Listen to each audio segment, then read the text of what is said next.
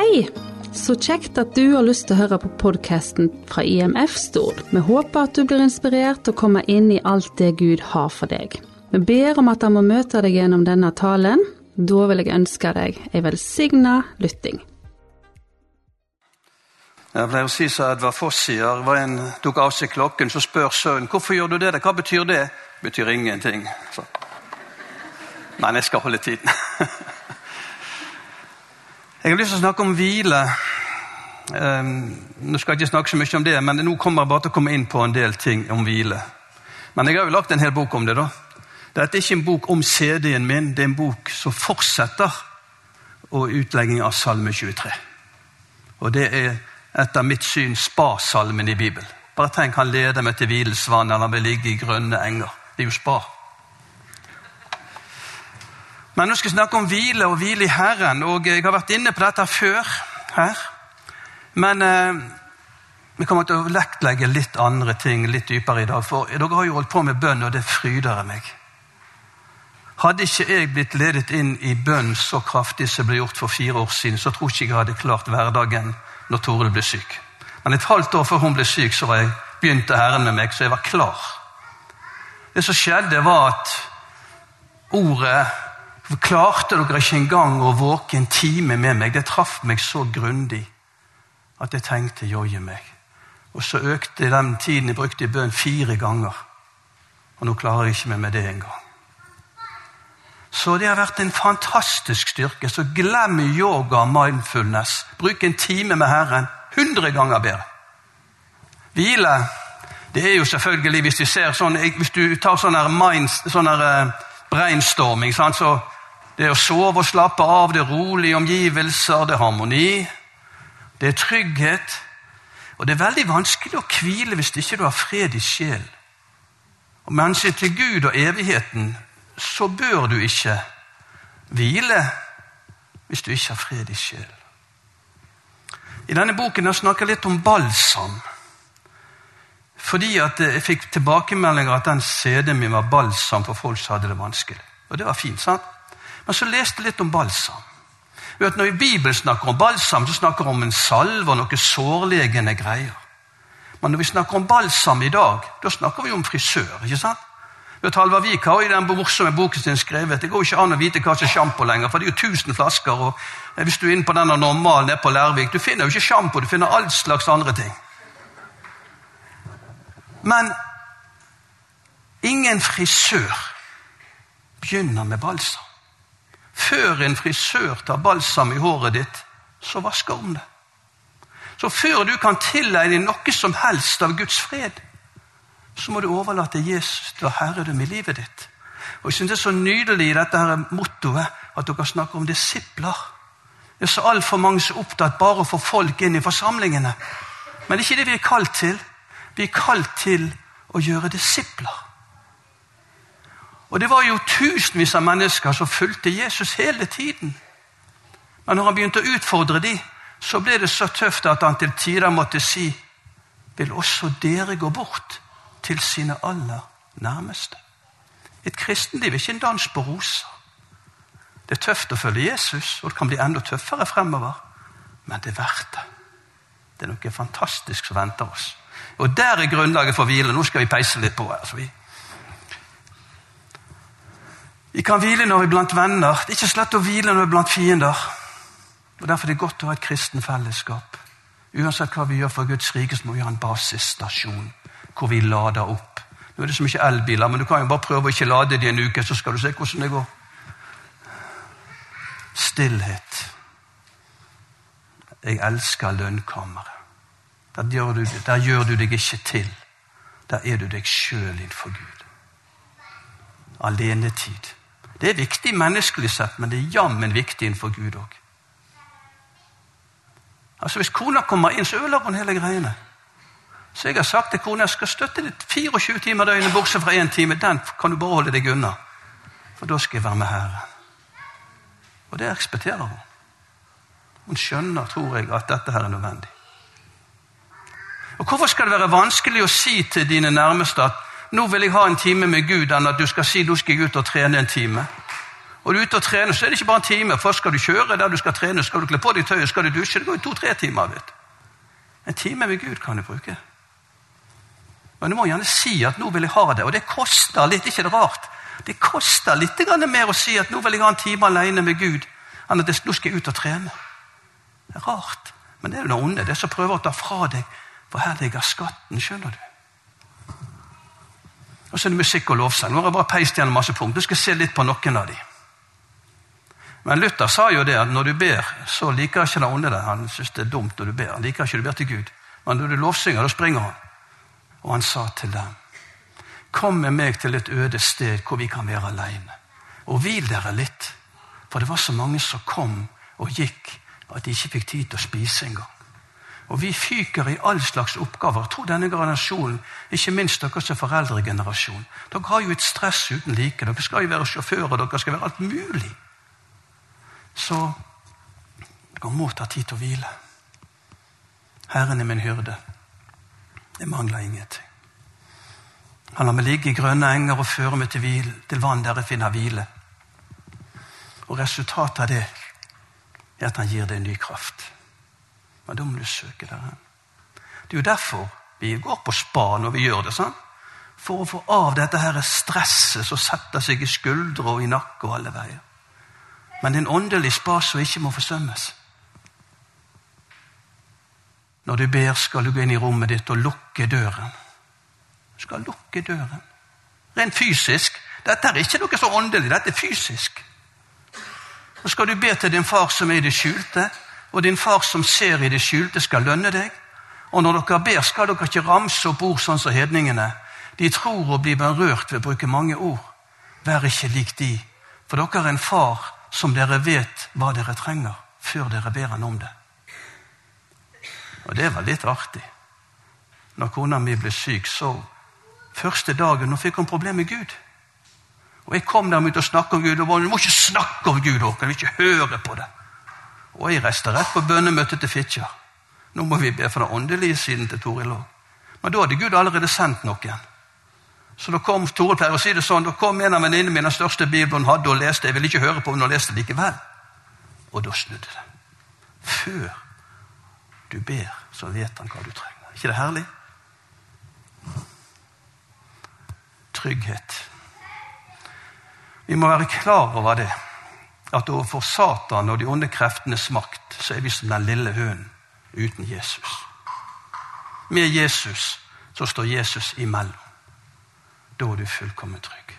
Men alene, ikke prøv deg engang. Du må gå under Jesu blods beskyttelse med alt du gjør. Med dine tanker, med din ferd, med ditt liv. Og da kan han beskytte deg. Det er uhyre viktig i dag. Ikke minst for Vi blir bombardert med ting som vil stjele tiden vår, som vil fylle tankene våre med helt andre ting, med fristelser, med ting som gjør at vi litt etter litt kommer vekk fra Gud. Du kan ta en frosk, sier de. Jeg har ikke prøvd det. det kommer jeg ikke til å gjøre heller. Men Du kan ta en frosk og legge i kaldt vann. Og Så kan du varme dette vannet sakte opp, og frosken vil la seg koke. Han er et vekselvarmt dyr, sier de, og han vil ikke merke overgangen. Hiver du en frosk opp i varmt, så hopper han ut med en gang. Men du skjønner, sånn opererer Satan. Litt etter litt. er ikke så nøye med det. Det er ikke så viktig. Litt etter litt etter litt. Det er det som skjedde i kirken. Hadde vi for 30 år siden opplevd det vi hadde i dag, vi hadde protestert hele gjengen. Men litt etter litt etter litt hadde det sneket seg inn. Men dere, mine barn, er av Gud og har seiret over dem. For Han som er i dere, er større enn Han som er i verden. Hvis du har Jesus med på laget, eller Han er din Herre, så kan du, selv om du er en liten hund, vinne over den store.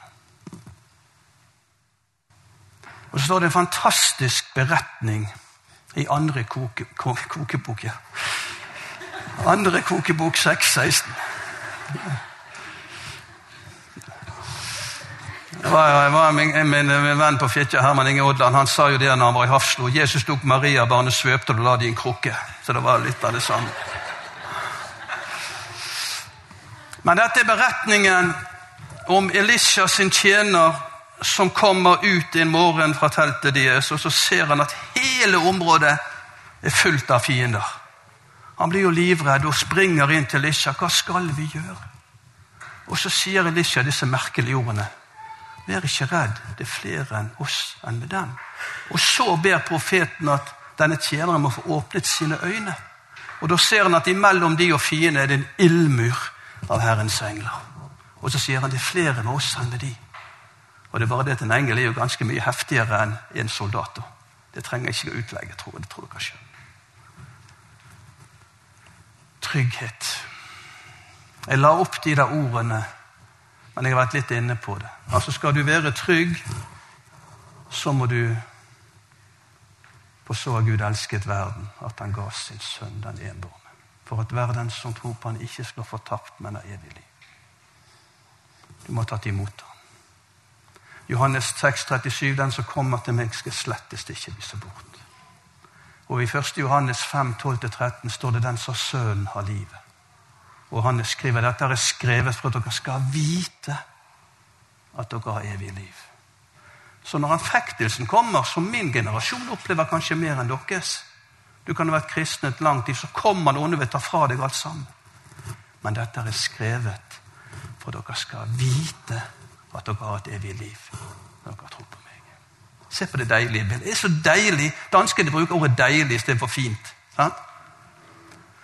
Så dansker vil jo si at, at hvile det er et deilig budskap. Med sine vinger fjærer dekker han deg, under hans vinger finner du lyd. Hans trofasthet er skjold og dette er ikke eventyr. Det gjelder, dette her.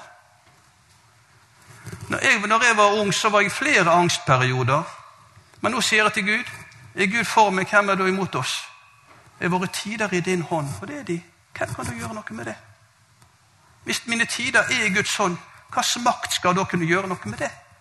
Det fins ikke noen makt som kan gjøre noe med det. Og ingen kan rive deg ut av Guds hånd. Borg.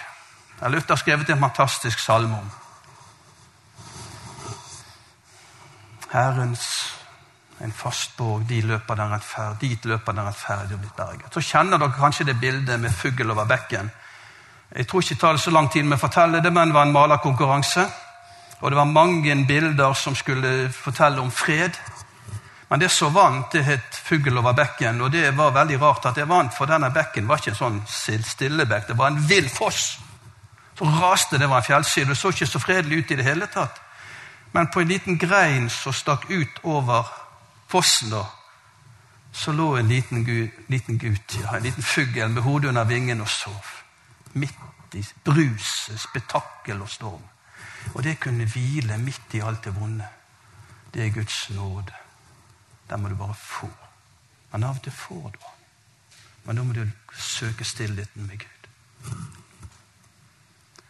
Når jeg var i en angstperiode, så begynte jeg å komme ut av det. så begynte jeg å vet, når jeg gikk på lærerskole, jeg sånn, hadde sånn historisk kritisk teologi, og da var det kunne ikke ta ting i det, i, det gamle testamentet i lys av det nye. Det var jo hakkende gale. Men jeg hadde jo lest Marie Monsen, og hun gjorde jo det hele tiden. Og Så begynte jeg å ta disse ordene i Det gamle testamentet, alle løftene. Og så har jeg jo seinere lest sjøl at så mange som Guds løfter er, har de fått sitt ja i ham. Så alle løftene i Bibelen har fått sitt ja i Jesus. Du kan ta de til deg. Og så Det der var litt sånn, nesten som bergensk. Kom igjen, min sjel, til din ro. Jeg kunne si det til meg sjøl. For Herren har gjort vel med deg. Det brukte jeg. Og det var en knagg jeg kunne ta tak i. Og så kommer dette nydelige ordet. Og Guds fred, som overgår all forstand, skal bevare deres hjerter og deres tanker i troen på Jesus Kristus. Jeg må sitere hver eneste dag. Tankene er, Det begynner i tankene, vet du. Det aller meste begynner i tankene. Jeg liker han der treneren til Warholm sier 'Godt gjort er bedre enn godt sagt'. Det hjelper ikke å si ting hvis ikke du gjør dette. Det var jo en tjener som sa til herren sin 'Ja, jeg skal gjøre det du ber meg om.' Så gjorde han det ikke. Men så en som sa 'Nei, jeg vet ikke om jeg gjør det', men så gjorde han det likevel. Og sier Jesus, 'Hvem syns du du ville hørt på?' Selvfølgelig han som gjorde det. Hvis du bestemmer deg for noe i ditt kristenliv og sier 'det skal jeg gjøre', men hvis du gjør det Du skal være gjerning, du skal ikke bare være en hørendes hører, du skal være en gjerningenes gjører, sier Bibelen. Tro. Ja, altså Hvile handler jo om tro. sant? Hvis du virkelig tror, så slapper du av. Abraham i troens far kalles sammen av svikten og jammen et par ganger. To ganger så løy han halvveis og sa at Sara var sin søster fordi han var redd disse kongene. Og en gang så, og Det verste var jo det at han hadde ikke tålmodighet til å vente på Guds time og lot uh, Hagar, gikk inn til Hagar og fikk Ismael. Det var ikke Guds plan i utgangspunktet. Man sier Gud nådig å ta seg av Ismael og hans ett òg. Men Abraham visste ikke tro der.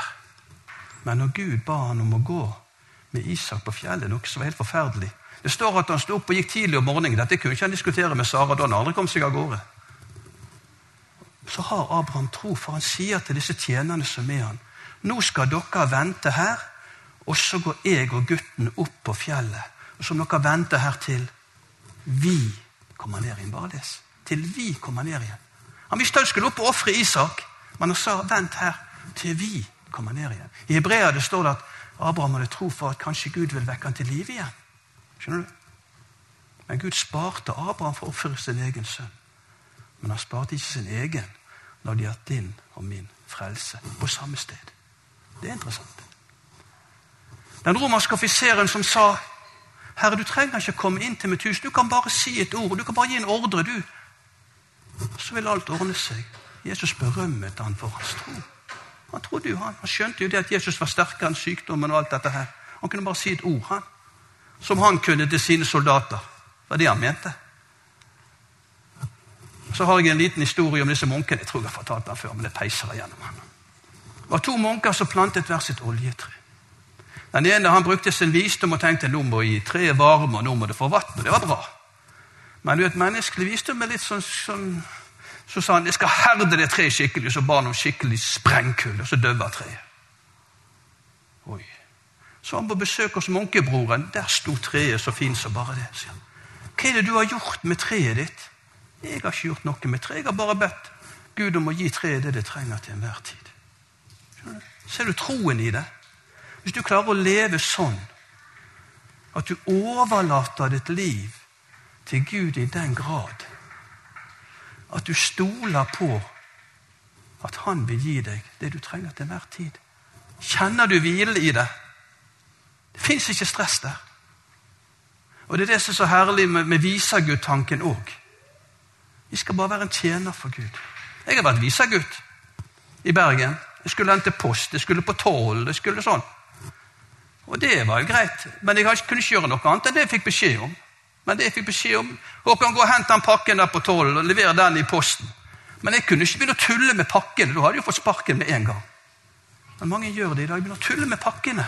Gud har bedt å levere oss en pakke, han som står her. Og ikke begynne å tulle med pakken. Vi er tjenere, vi.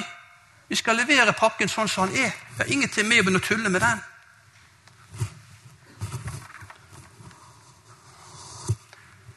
Når en eh, misjonær skulle finne et ord for tro, så slet han litt med det, for det var liksom ikke noe på det språket. Så satt han en dag i en stol og lente seg godt bakover. Så knakk ikke stolen sammen. tenkte han, ja, der har du noe. Det du kan hvile deg tungt imot, det kan du stole på. Så tro er å stole på. Du kan, noe du kan hvile deg tungt imot. Det kan du stole på. En russevenninne av meg når jeg var russ, hvor mange år siden det, det vil jeg ikke snakke om engang. Jeg tror det er 50 år siden. Jeg traff en som var russ sammen med meg nå nylig på, oppe i Innevik. Og Da fant vi ut vi hadde 50-årsjubileum som russ. Men hun sa det er bedre å stå skjelvende på trygg grunn enn trygg på skjelvende grunn. Ser dere den? Det er grunnen du står på, det handler om. Om du skjelver aldri så mye og frykter det ene og andre, så er du like mye Guds barn for det. Alle som gikk gjennom Det røde hav, ble berget. Men jeg hadde vært skitredd hvis jeg hadde gått gjennom og sett de der svære bølgene. Eller de der murene av vann. Det betyr ingenting. Det betyr ikke noe hva du føler. Om du føler du ikke er kristen, det betyr ingenting. Det er grunnvollen som gjelder. Har du tatt imot Jesus, så er det grunnvollen. Du står på sikker grunn. Du kan ikke dette ned. Men når du tror aldri så mye, men tror på feil grunn, da lever du farlig. Og Mange gjør det i dag. De stoler ikke på Jesus. De vil gjerne være kristne, men de vil iallfall ikke være disipler. De vil ikke ha om korset og forsoningen, om synd og nåde og bot. Se på apostlene hvilket liv de hadde. De ble forfulgt. og Bare se Paulus' oppregning, alt det han var med på. Men jammen ikke noe surfing. De kom ikke med jetfly og greier og det og sånn. Nei, det hadde de forresten ikke den gangen. De hadde ikke sykler heller. Det var jo en, var jo en som, så, som kom syklende. Så så Menighetsrådsmannen for mange år siden som kom syklende, så så han presten stå inne i hagen og røykte pipe. Så spurte han presten du mener vel, Tror du Jesus røykte? Nei, sier han, han presten. Men jeg vet i alle fall, Det vet jeg ikke, sa han, men jeg vet iallfall at han ikke syklet.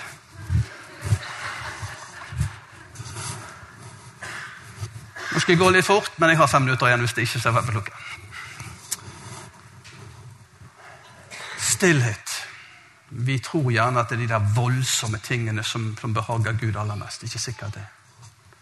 Her har Elias vært i en fantastisk ut sammen med disse balsprestene. Og vi vet den historien, den var jo i søndagsskolen. Altså, hvordan Elia mot 400 balsprester og 350 astarteprester vant en kolossal seier på Karmelfjellet. Like etterpå blir han livredd.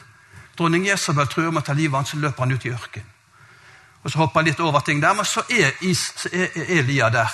Og så sier Herren, Gå ut og still deg opp på fjellet for Herrens ansikt, så vil Herren gå forbi. Foran Herren kom en stor og sterk storm som kløvde fjellet og knuste klipper. Men Herren var ikke stormen. Etter stormen kom et jordskjelv, men Herren var ikke jordskjelvet. Etter jordskjelvet en ild, men Herren var ikke ilden. Etter ilden lyden av skjør stillhet. Da Elia hørte den, dro han kappen for ansiktet, gikk ut og stilte seg i huloppen. Det var helligheten. Vi har en hellig Gud. Må ikke glemme det. Og en hellig Gud tuller du ikke med. Det er greit at Jesus er vår bror, men han er også hellig. Ingen bekymring. Dere kjenner dette ordet. Vær ikke bekymret for noe, men la alle ting det dere har på hjertet, komme fram for Gud, og be og kall på ham med takk. Og Guds fred, som overgår all forstand, skal bevare deres hjerter og tanker i troen på Jesus. Vi kommer nok til å bekymre oss mer eller mindre så lenge vi er her på jorden. Det blir ingen bekymring i himmelen. Men gå til Jesus med bekymringen din. Det har du lov til å gjøre. For Gud ga oss ikke motløshet sånn. Han ga oss kraft, kjærlighet og sinnet sånn. Og det der jeg kan jeg vitne om. altså Når jeg står opp veldig mange morgener, så er jeg motløs når jeg står opp. Men så har jeg denne fantastiske støen, og da detter det av. altså. Gang på gang. Bruk tid med Herren. Jeg vil våke over mitt ord, så jeg fullbyrder det, sier Jeremias. Det var det jeg leste første gangen. Men så så jeg jeg har litt forskjellige oversettelser. vet du. Så En sto det 'Jeg vil våke over mitt ord, så jeg setter det i verk'. Og igjen sto det 'Jeg vil våke over mitt ord, så jeg gjennomfører det'. Så nå sier jeg hver morgen 'Takk, kjære Gud, at du våker over et ord så du setter det i verk'. Gjennomfører det og fullbyrder det. Han har full kontroll med det han har sagt. Og det vil bli oppfylt i sin tid. Vi har med en Gud å gjøre som holder sitt ord. Og denne sangen, Jeg har jo lagd en sang som heter 'Bare stol på Gud'. Den het jo egentlig på, Det var en Grand Prix-melodi som het 'You Can come to Me'. Du kan stole på meg. Men det, det går jo ikke an. for det. Jeg kan love ting, og så kan det skje ting som gjør at jeg ikke klarer å holde det. Men Gud holder det han lover. Den hopper vi videre. Han har lov til å ha med oss alle dager. Som vår dag skal hans, vår styrke være. Alt makter vi i Han som gjør oss det. Hva han tar, og hva han giver, samme Fader han forbliver. Han er med deg alle dager. Jeg skal slutte med den historien med Republic og Florida. Det var to skip som kolliderte i telegrafistenes storhetstid, kaller jeg det. Midt ute i Atlanteren i stinn tåke. Altså, det var så tett tåke. De så absolutt ingenting. Og skipene begynte å synke, begge to, men bare tomme for tomme. Telegrafisten på det ene skipet som ikke husker hva sa de det var, han telegraferte i 14 timer. Det er ganske lenge. Jeg husker når det brente oppe ved Utslettefjellet. Så var det helikopterfører. Jeg vet ikke hvor mange timer han holdt på å tømme vann. Men til slutt landet han på Nyseterbanen, rullet seg ut av helikopteret og sovnet på gressmatten. Men han holdt på i 14 timer. Så lette tåken. Hva så han? Da lå det ti skip som hadde hørt signal og gått etter posisjon, men ingen så hverandre. Og når tåken lettet, så så de hjelpen var der jo. Han var kommet. Anropet var hørt. Du skjønner, Gud har hørt dine bønner. Du kan hvile i det. Men det er ikke sikkert du ser det med en gang. Amen. Ja, Herre, vi priser deg. Takk at vi kan hvile i alt du gjør. Nå må du velsigne denne dagen videre og møte videre alt som skal skje. Og vi legger oss i din hånd. Må du bare fylle oss med denne freden som bare du kan gi. Og hjelp oss virkelig å lende oss trygt mot dine løfter, sånn at vi ser de kan vi stole på. Så kan vi få lov å legge bekymringen og motløsheten og alt sammen der, i den sekken. Og takk at du har lov til å være med oss alle dager. Du har sagt som vår dag skal vår styrke være. Du har til og med sagt at alt makter vi i deg som gjør oss sterk. Da håper jeg du ble møtt av Gud gjennom denne talen. Husk han har kun det beste for deg. Vi vil òg benytte muligheten og ønske deg hjertelig velkommen til våre samlinger på Lærvik bedehus. Og mangler du et kristen fellesskap, er du velkommen til IMF Stord. Besøk oss gjerne på vår Facebook-side eller på vår hjemmeside imfstord.no for mer info. Ha en velsigna dag, da, og takk for at du lytta.